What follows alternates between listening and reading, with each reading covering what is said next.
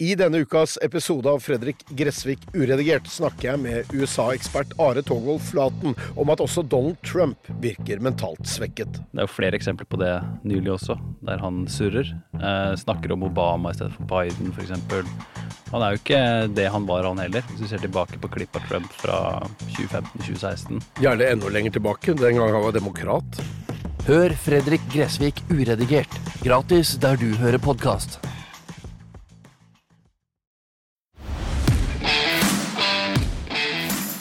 Nå er vi altså tilbake fra pausen i Rockefeller. Eh, Klare for eh, del to. Det er Schumann og Jonny Brenna, det. Kjell Alex Schumann og Jonny Brenna møtes igjen for første gang på nesten 20 år. Åh, lurer på åssen det skal gå. Vi får bare høre.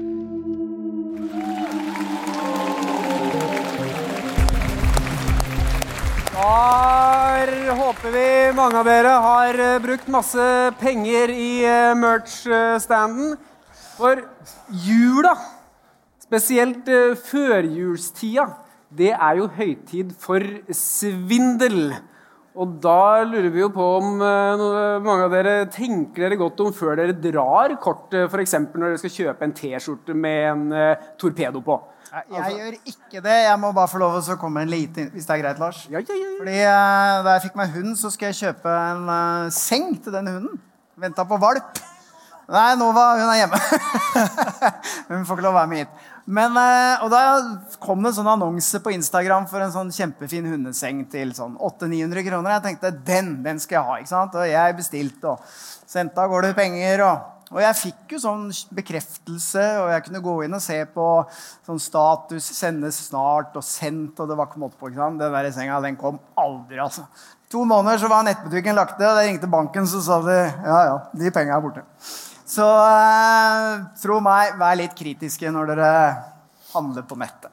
forrige juleshowet vi hadde, det ble jo utsatt to ganger pga. korona. Men i år så tenkte vi at korona det skal ikke få påvirke eh, vårt juleshow. Men eh, søren meg så gjorde det det i år òg. Vi hadde egentlig eh, tenkt at vi skulle ha noen fancy nye capser å selge i kveld. Ikke rød.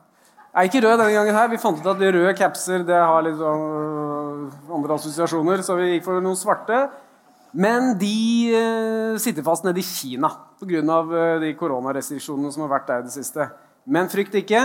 Vi skal øh, snart lansere vår øh, splitter nye nettbutikk, og der vil disse capsene bli øh, til salgs. Men vi kan jo ta en liten kikk på den. da. Sånn, det her er det liksom første Ja, vanlige ting. Ja. Er det det du får eh, Så vi kjøpte i merchstand nå. Det er T-skjorter, og etter hvert så kommer det kopper og capper og sånn. Men så har vi jo funnet at vi kan jo tilby noe mer enn bare noen Ja, ja. T-skjorter og capper. Noe mer? Ja, ja. Noe mer? Vi har mer, Stein Morten. Eh, Vi har Hva med en telefon? Stein Morten bruker så mye tid i telefonen at vi tenkte at det må vi jo klare å profitere på en eller annen måte. Så for 499 så får du en fin telefonsamtale med Stein Morten. Se, han ser engasjert ut. Men ikke nok med det. Vi kan bjuda på litt mer. ja, det er mer. Kan få et kaffeslabberas med Stein Morten Lier. Det er litt dyrere, men da får du møte han face to face. Sitte i stolen der og se på en kar som nikker og ser interessert ut i det du sier. Men vi må jo ha et alternativ til. Ja, Hva med en natt, Natt. med Stein Morten Lier? Akkurat for, for øyeblikket så er det faktisk billigere enn å ta en samtale. Vi, vi forsøkte med litt høyere pris, men det var lavere interesse. Beklager. Nei, Dessverre. jeg skjønner. Kun for i kveld. Kun for i kveld så er ok. okay. uh, moving on, eller? Vi skal fortelle en liten eh, Vi skal skru tiden litt tilbake. For den 5. april 2004 da skjer norgeshistoriens største ran i Stavanger sentrum. Ranerne, som var ledet av David Toska, fikk med seg 57 millioner kroner, og så langt er det bare 7 millioner som er gjort rede for. En av de som deltok i ranet, det var Kjell Alrik Schumann. Han avfyrte de fatale skuddene som gjorde at denne saken fikk topprioritet og at jakten på banden aldri tok slutt. En av de som var med på å pågripe Schumann, det var ingen ringere enn superspaner og søppelspaner Jonny Brenna. Og i kveld skal disse to møtes igjen for første gang siden pågripelsen. Jonny Brenna og Kjell Alrik Schumann. Nei. Ja. Det er altså nå 18 og et halvt år siden eh, du, Jonny, pågrep eh, Kjell Alrik. Kan ikke du bare begynne med å fortelle hvordan, den, hvordan det forløp, og hvordan det skal vi si for noe, føltes? Vi har hørt noen rykter om at du dirra fælt med beina. Ja, De der med beina, det, det gjorde jeg nok helt sikkert. Og det kan jeg fortelle mer om. Men eh, det var jo en veldig spesiell situasjon. Det var jo en sånn krigssituasjon, egentlig. Sånn som stemningen var på den tida der. Eh, Jeg kommer på jobb en kveldsvakt og får beskjed om å dra opp på Majorstad. For der finner jeg en bil som Schumann angivelig skal ha hatt tidligere. Og det vi hadde å gå på. Så vidt jeg skjønte, så var den bilen tidligere vært taua inn på en inntauingstomt, og som blitt stjålet derifra igjen. Eh, Og Schumann var, Det var hans bil. Vet ikke om du stjal den? Jo da.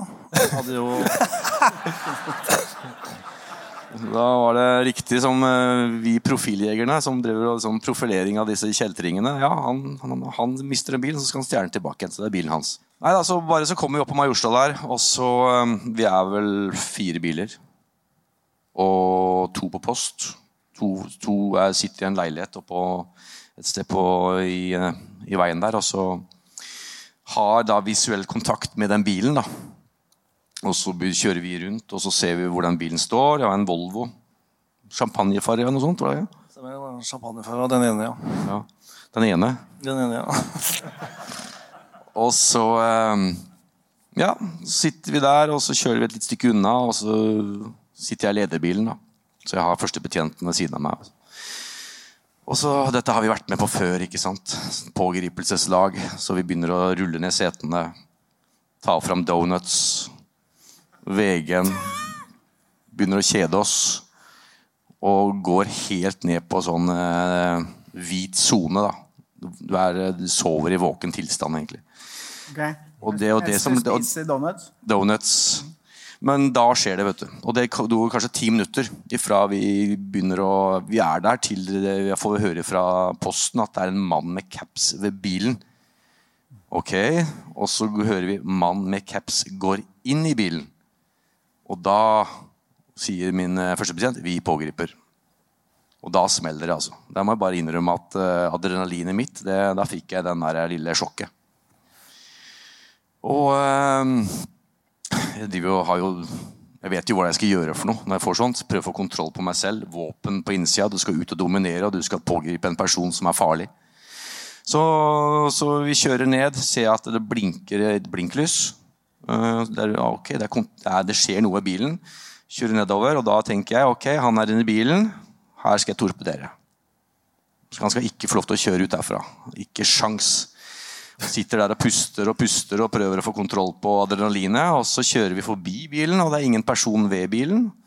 Så vi kjører forbi, og så ser jeg bil nummer to komme kjørende. kjører forbi, Og så hører vi fra posten mann med caps går oppover veien. Og Da begynte vi, den bilen bak oss å rygge, og så kjører vi rundt som et helvete for å ta i en knivtangsmanøver hvis han eh, stikker. da. Og Når jeg da kommer eh, bort til veien der, så ser jeg da at da ligger han på, ligger han på bakken. Da er han pågrepet. Ja, og han, det du, Kjell Alrik. Hvordan, eh, så, så- sånn så det ut eh, på den tida. Det var dette bildet som ble sendt ut i all presse. Du var jo jakta. Rett og slett en, en av Norges mest ettersøkte menn. Men hvordan opplevde du den hendelsen som Jonny forteller om her nå? Nei, altså, det er klart det var en brutal hendelse akkurat der og da. Det gikk jo veldig fort. Så det var jo eh, det var jo veldig overraskende å bli pågrepet akkurat der. da. Det var det jo. Det var et bildepot som jeg hadde der. Flere biler. Jeg kom ned med en eh, XC70 og skulle bare over i en annen bil. For da var det på vei eh, ut av Oslo, husker jeg. For det var den dagen bildet av meg skulle publiseres. Da Da var liksom uh, vært i media lenge at jeg skulle publiseres bilde av. Og navnet, da. Så jeg fikk jo ikke anledning til å se det, da, men jeg antok at nå var, begynte det å bli varmt. da, Så da var det å trekke ut. Den bilen var for øvrig noe jeg hadde hatt over lengre tid. og Jeg hadde også hentet den bilen inn igjen da, og parkert den da, etter, ja, tilbake igjen eh, i det området jeg hadde hatt den fra før. da. Så derfor så mm, skjønner jeg jo selvfølgelig kort tid etterpå hvorfor dette her skjer. liksom. Men det er klart, eh, den dagen var jo for meg eh, en hektisk dag. Jeg hadde vært oppe og henta en annen bil, kom utenfra, og var jo egentlig på hjula hele tiden i den perioden. Når du er en av Norges mest etterlyste, og du har 3000 politifolk som leter etter deg, så må du slå av en del brytere. Ja. Ble ikke du pågrepet med en ryggsekk full av uh, sedler òg? Jeg hadde vel ca. 70 000, ja. ja. Som jeg hadde vaska.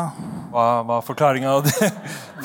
Bokstavelig talt, eller? Ja, ja, ja, ja, For de var fulle av uh, noe Jeg tok ikke sjansen på å ha de altså, Jeg antok at de ville være fulle av Men altså, det er jo noe som kom frem mye senere. At de var fulle av glass. Men, uh, fra, da, fra da dere skøyt gjennom det sikkerhetsvinduet. Ja, ja. ja. Men uh, det var ikke noe som kom frem før senere. Men for at ikke noe spor skulle være rundt de pengene, så var de faktisk fysisk vas vaska. Ja. Men eh, da dere, da dere, gjorde dette ranet på Domkirkeplassen i Stavanger, så, uh, så tok dere dere inn i bakgården. For der var det jo en rute som dere trodde var uh, vanlig glass. Ja. Men det var det jo ikke. Det var jo sikkerhetsglass. kan du huske liksom hva du tenkte da dere fant ut at det var ikke så lett å ta seg inn? Var det et sjokk? Nei, egentlig ikke noe sjokk. Uh, det var vel sånn uh, Hva var det jeg sa, egentlig? Mm. Så vi gikk på det. At, men det er klart, tiden fra vi startet opp til jeg ble innkalt, den, da trodde jeg tingen var over.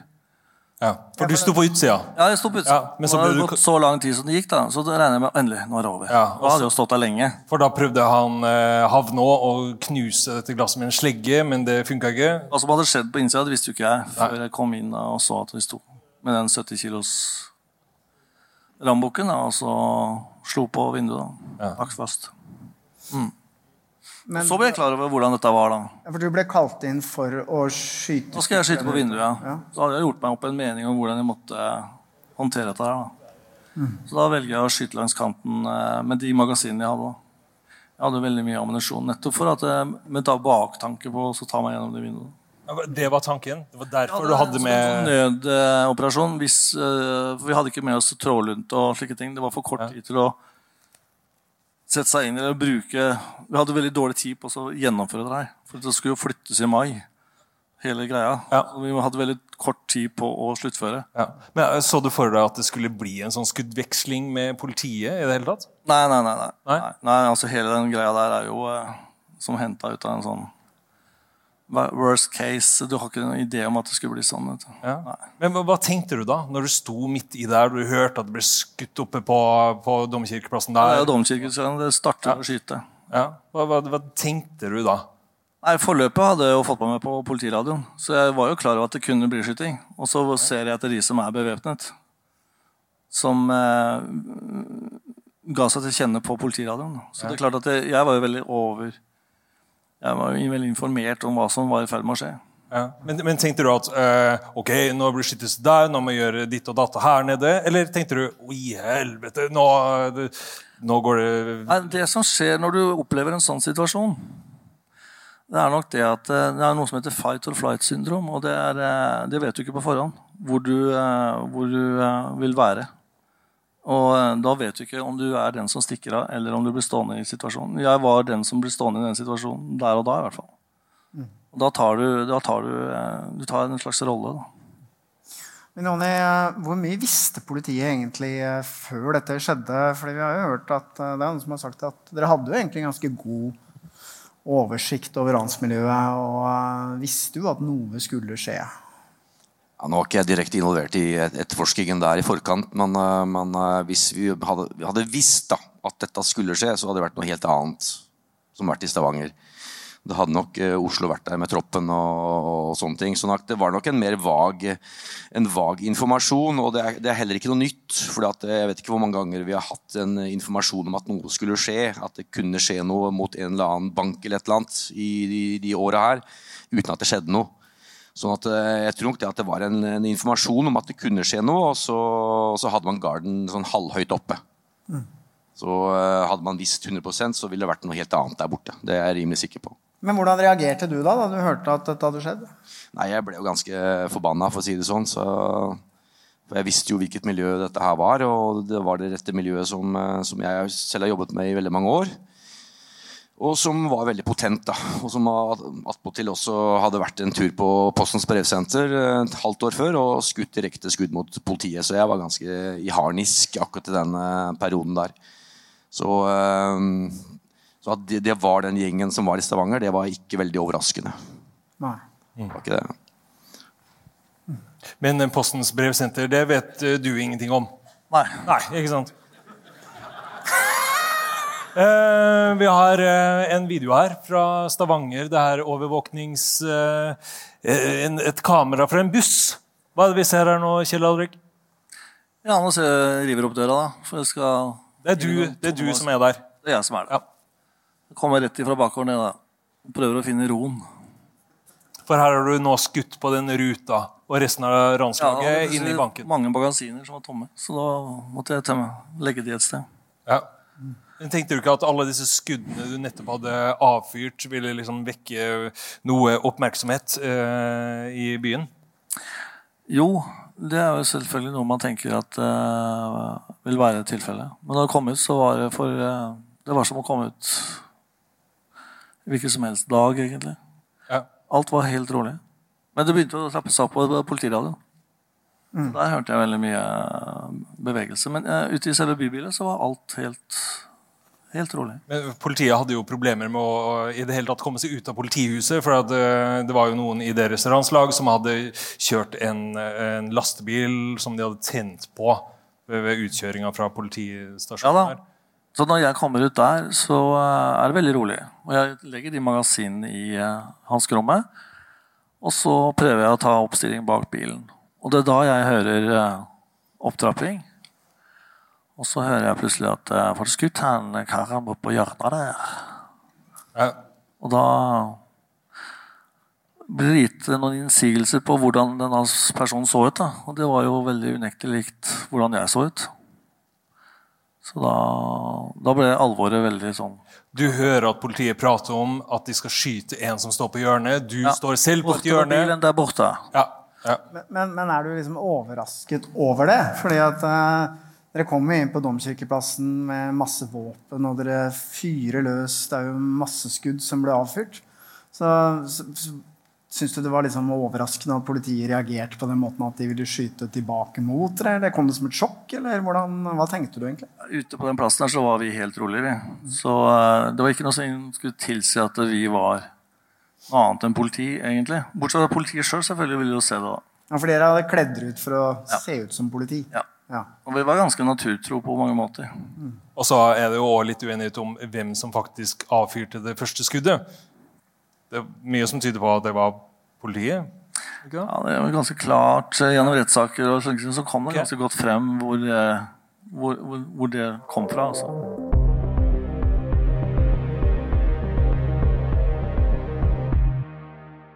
Men eh, Jonny, du, liksom, du var jo ikke der. Men du har jo lang erfaring eh, som politimann. Og hvordan er det vanlig at politiet reagerer i en sånn situasjon hvor det er våpen og det blir avfyrt skudd? skudd? Jeg tenker at I situasjonen der så var det såpass mye skyting eh, i eh, bildet. Og det var såpass uavklart. Og de skjøt jo mot eh, ja, en, si en tellesentral da, med folk inni. Så, sånn at For politiets del så var nok krigen i gang allerede. Det var jo automatvåpen og det var skyting, og det hørtes ganske godt. Så tenker meg at det, det, å skulle gå inn der og vente på å bli skutt på, det tror jeg ikke politiet ville gjøre i den situasjonen uansett. Så det, jeg tror det er sånn irrelevant det er hvem som egentlig skjøt det første skuddet. Sånn ja, ja, Vi hørte jo tidligere Simon Hegstrøm fortalte at de er jo opplært til at de skal jo skyte. De skal jo ikke vente, og de skal jo tømme hele magasinet. De. Mm. mm det er liksom det de har lært opp til i Sverige. Er det det samme i Norge? Nå er det, det er lenge siden jeg var i politiet, men eh, fall er du, du- for du først skyter, så skyter du for å stoppe, stoppe en, en person. Da, da skyter du jo ikke bare ett skudd. Nei. Nei. Men vi må nok tilbake til 2004 og se på regelverket da. Mm. Og da var det et annet regelverk. Altså. Ok, hvordan da? Nei, det var, det, var, det var ved overhengende fare for eh, skadeskyting som var regelverket. Det kom jo eh, litt dårlig fram, egentlig, men det, er, det var sånn det var. Jeg har lest disse bøkene eh, på samme måten, jeg. Og det er jo det som er en utfordring på politiet. Da. Det er så førerkort og vannkort, takk, og så er det plutselig en dag hvor det er en sånn dag. Det skjer en gang i karrieren. Og da blir det en sånn uh, overopphausa situasjon. Da. Det ble jo en eh, Det, det diskuterte vi på forhånd også, at det kan være en sjanse for at noe sånt skjer. Ja. Selv om det ganske, var ganske usannsynlig allikevel. Da. For vi skulle være så fort borte. Vi skulle, dette skulle gå så fort. Ja, for planen vi, var vi diskuterte det jo. ja, men planen var jo at dere skulle egentlig være borte, dere når politiet Stemmer. kom. Var Så vi var bare egentlig sånne, så- så, Vi var på en tilsynelatende noen tinnsoldater. Men vi var jo ikke tinnsoldater. Selv om vi ble oppfatta som det. kan jeg få si at det, var jo, det, det- det skapte jo en, en enorm skrekk da, eh, i, eh, i Stavanger og i Norge, egentlig, og ikke, også i Politi-Norge. Eh, Jeg var jo over i Stavanger der i noen dager etterpå og holdt innlegg om dette miljøet her. Og, og da gikk jo plutselig en ransalarm et eller annet sted i byen, og det var jo totalt kaos. Sånn at uh, den stemningen som var der da, uh, i uh, Politi-Norge, var, var helt spesielt. Og det, Vi har jo snakka litt på bakrommet også, men du gjorde jo noen utfall der når du ble pågrepet, har du fortalt, som, eh, som kunne vært fortalt, for å si det sånn. Så, som jeg sa til han òg, at eh, jeg var veldig glad for ikke å være første mann eh, til å pågripe sju mann den dagen. For da vet jeg ikke hva som hadde skjedd, egentlig. Men hva, hva mener du med utfall? Kan du beskrive du. hva som har Nei, skjedd? altså, det er klart at I tillegg til at jeg holdt på å bli drept i Stavanger, som jeg egentlig føler sjøl, så uh, var det nok det at uh, den andre gangen jeg var i ferd med å bli drept, det var nok ved den pågripelsen. Ja, hva skjedde egentlig? Nei, det er jo en gang sånn at uh, når jeg først blir pågrepet der, da, så blir jeg jo uh, sikta på med en 38. Og det som skjer da, er at jeg nærmest autonomt slår meg på brystet for å kjenne om jeg har vesten på meg. Men det er jo også da en uh, eskalering. For det, det, kan jo, det er en bevegelse som uh, politimannen oppfatter som uh, truende. Ja. Og Han har aldri vært så nær å skyte en. i Ja, fort, sin fortalte han det? karriere. Han fortalte. fortalte etterpå? Mm. At det var nummeret før? Ja, fortalt, han fortalte det mange år etterpå, da når jeg traff han, at uh, i hele hans karriere så har han aldri vært så nær av oss å trykke av som da han gikk mot meg med den 38-en. Hvordan tror du du ville ha reagert hvis du liksom har vært først ute og Jonny? Altså, jeg tenker at det, jeg har tenkt gjennom dette flere ganger, for jeg har hørt podkasten om dette her tidligere. Og så tenkte jeg at den situasjonen jeg var i, som var ganske full av adrenalin da.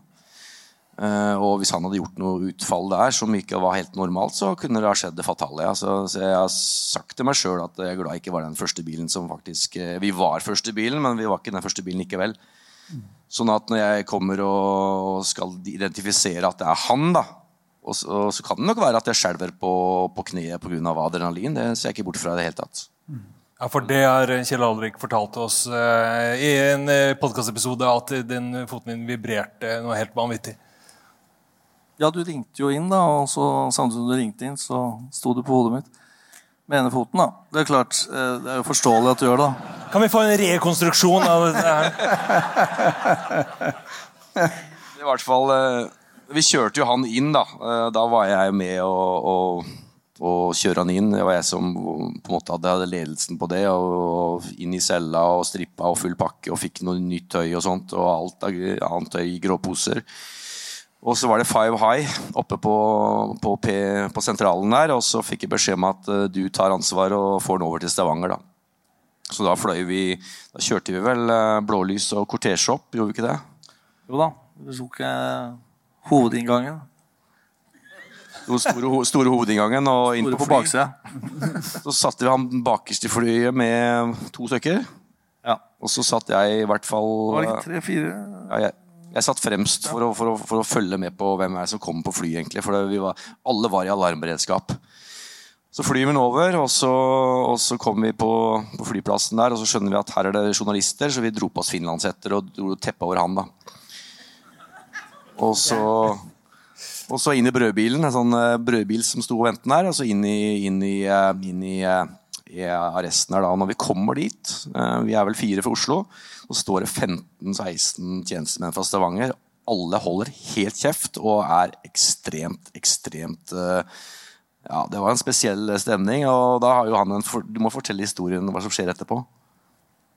Jeg var jo ikke så veldig høy i hatten akkurat i det øyeblikket der. Oslo-politiet var ganske greie folk, egentlig. Nei, Jeg var jo litt spent på hva som kom til å skje, selvfølgelig. Eh, Dere dro jo. Vi måtte jo dra. Ja, ja, ikke sant? Vi dro jo og drakk oss fulle, vi. Ja. Feira seieren. Ja.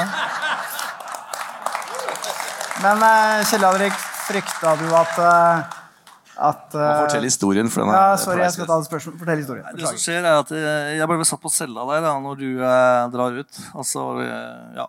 Det blir jo da plutselig stille.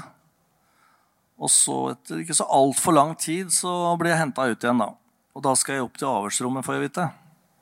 Ikke helt klar. Jo, jeg mener jeg, var, jeg fikk vite at jeg skulle til avhørsrom. da. Men da blir jeg kledd opp i eh, fotlenker, skuddsikker vest, hjelm og håndjern. Og så ble jeg ført av Jeg tror det var en sju-åtte mann med fullt tungt ø, verneutstyr. Og noen av dem i hvert fall hadde skuddsikker vest og, og, og MP5. Og så ble det taktisk forflytning opp til den etasjen hvor det rommet var. altså. Var veldig sånn rar Inne på- i politihuset. Huset. Ja.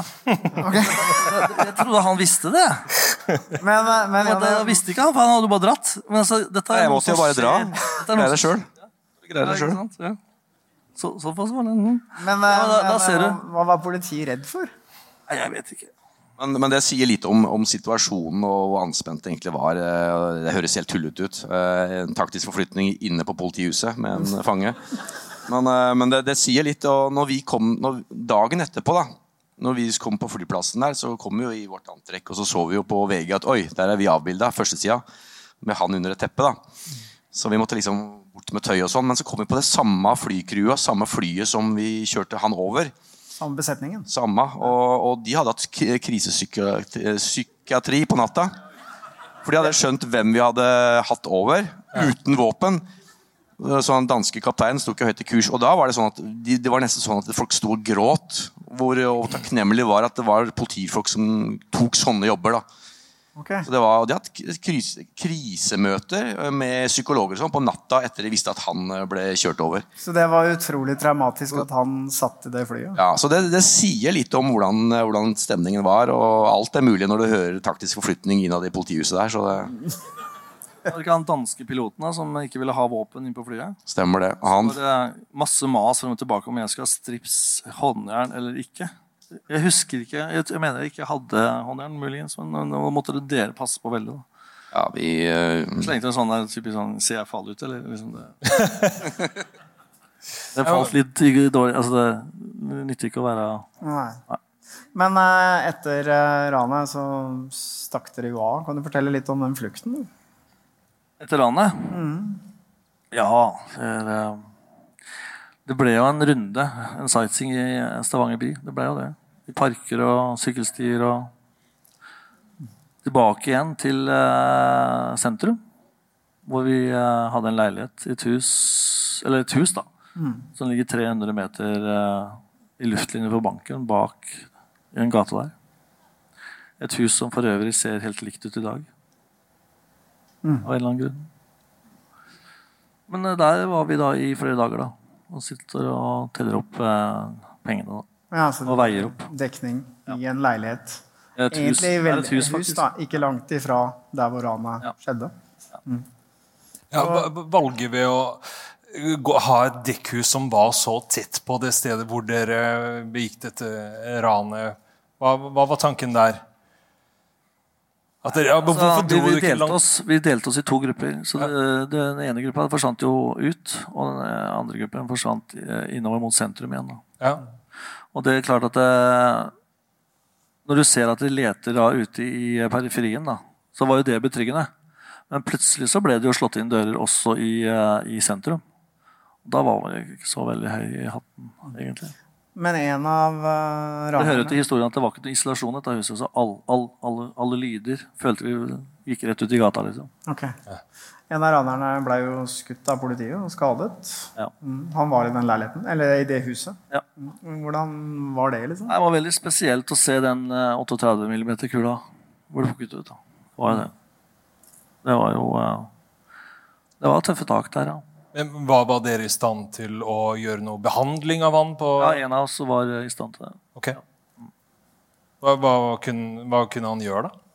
Nei, Nå må jo stelle såret og prøve å se om det var eh, indre blødninger. og Ut ifra det Man sto litt sånn klar til å prøve å redde situasjonen. da. Men etter uh, dette ranet, Jonny, så skjedde det jo flere ting. Uh, blant annet så ble det jo et ran mot Munch-museet. Som hadde litt tilknytning til det Nokas-ranet. Kan du fortelle om det? Ja, det er klart at eh, det var jo tidenes etterforsking mot, eh, mot disse gutta her da, som var i Stavanger. Og, eh, og det skjønte vel Toska at det, her går det litt for godt på etterforskningsfronten, så her må vi finne på noe krøll, sånn at politiet får noe annet å tenke på. Og da rana de Munch.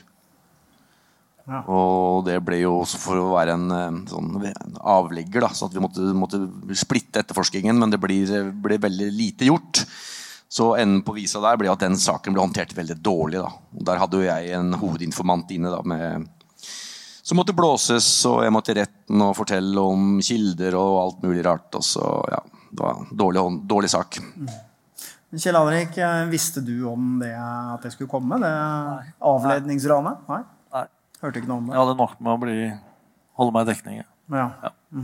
Men Hvordan var det å leve i dekning da? I etterkant av dette ranet? Nei, altså det, det var jo en sånn eh, Det var en periode hvor du er i en slags eh, ja, Det er vanskelig å egentlig beskrive i dag hva slags fase det er av livet. liksom. Når du vet at du er så jakta på. liksom. For du forandra jo utseendet. Jeg har sett noen sånne overvåkningsbilder fra en eller annen Ja. butikk eller bank, hvor du har skjegg og cap Ja. og litt sånn diverse. Ja. Men, men hva, hva liksom, følte du inni deg? Var det noe angst knytta til det, eller er du sånn maskinell? Hvordan fungerer du i en sånn situasjon? Man har jo planlagt dette her til, man har vært, Når du planlegger en ting så godt, så er du også forberedt på tilbakefall. Og derfor så har jo en slags eh, Du prøver å holde en slags plan da, på videre ferdsel, da, selv om det er, nærmest håpløst. da. Men dette ranet endte jo kanskje Eller det endte jo vel ikke sånn som dere hadde planlagt? På ingen måte. Endte jo eh, ganske fatalt. Hvordan preget det deg i tiden etterpå? Nei, det har jo preget meg i mange år, hele greia. Man har jo vært en paria. Spesielt i Stavanger også. Men eh, ja, i forskjellige sammenhenger. Hvordan var det innad i politiet? liksom? Det må jo ha preget dere noe voldsomt?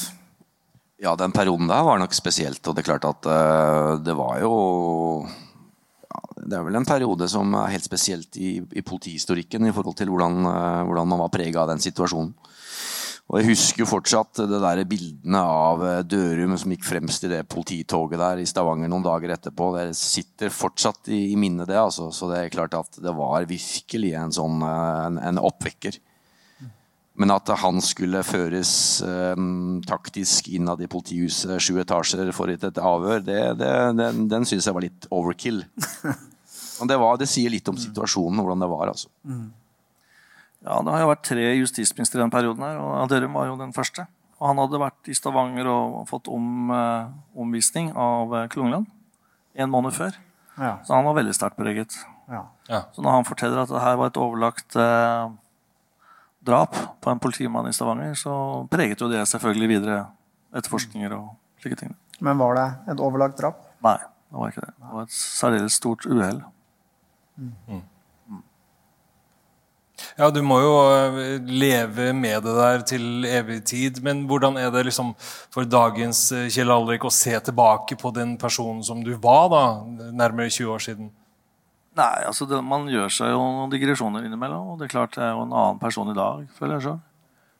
Jeg har jo vært i ti og et halvt år inne på en høyrisikoavdeling også, så du, du gjør deg jo noen tanker underveis.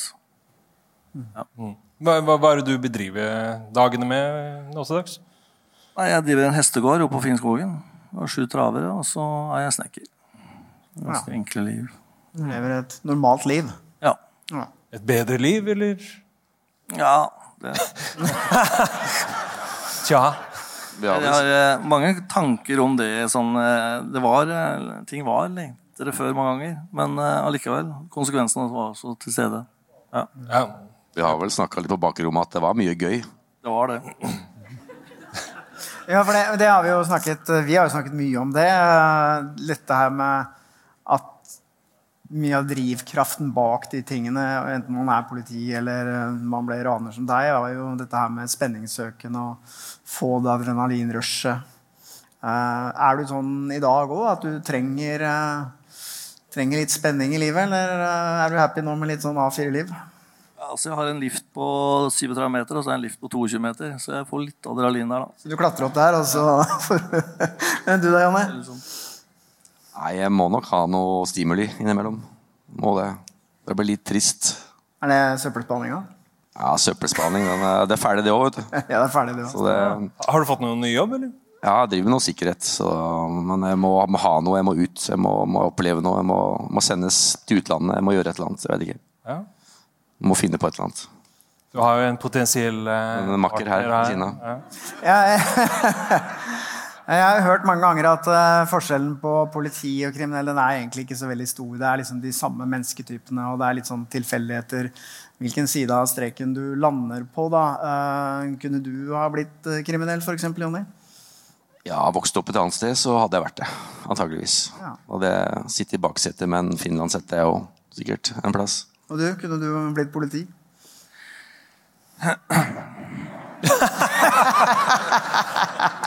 Jeg er litt usikker på det. Så. Altså, jeg var ganske tidlig ute med biltyveri, så den muligheten den forsvant litt tidlig. Jeg husker I militæret så søkte jeg skolekompaniet, og da var det det der Det biltyveri, ja. ja. Ja. Så da var det litt sånn der, da fikk jeg sånn tjeneste som jeg ikke hadde lyst til. da. Sånn M6-lappen og litt sånne ting. Det var ikke den stridsvogna jeg ønska. Nei, det, var, det, det ble en brems, da. Så eh, det, da blei det litt annerledes. Ja, tusen hjertelig takk eh, for at dere kom. Altså, det er veldig interessant å høre.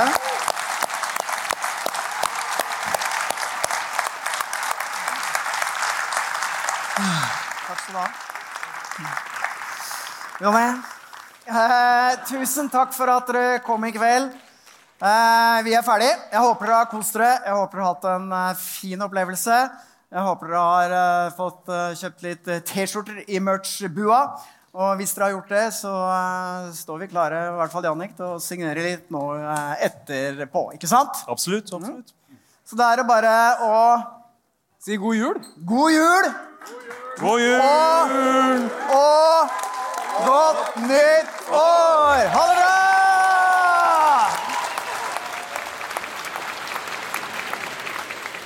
Og dere som var så heldige å få sitte i salen, dere fikk jo den pangeavslutningen med at eh, selveste Kampen Janitsjar-orkester kom opp på scenen. Og ikke bare det, de fikk jo se at vi sang eh, O helga natt. Sang og sang, vi mima i hvert fall. Men det, det som var gøy, var at det var veldig mange som Jeg kikka ned på publikum mens jeg sto der og lata som jeg sang, og jeg så det liksom var helt sånn sjokkert over at jeg hadde en slik stemme, så det var ja. mange som lot seg lure lenge. Men da jeg gjorde den feilen hvor Ja. du skulle inn, da skjønte folk at det var tull. Og det tror jeg egentlig var kult at jeg gjorde den feilen, for at da ble det latter. Jo, men det ble latter. Det er gøy å kunne sitte og for, øh, forsvare en feil i etterkant med at ja, det, det ble ja, en bra Men det ble, ble en bra film. Så var det veldig kult da Kampen kom på scenen med denne flotte vokalisten Kim Rune Hagen.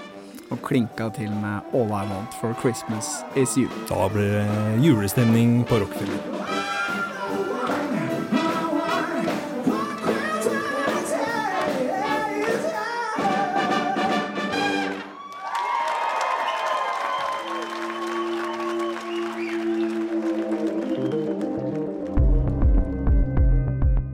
Avhørt er produsert av Batong Media. Redaksjonen vår består av Stein Morten Lier, Helge Molvær og Lars Christian Nygårdstrand. Temamusikken vår er laget av Altered States, og hvis du vil høre eksklusive episoder av Avhørt, Gå inn på podmy.no, eller last ned Podmy-appen.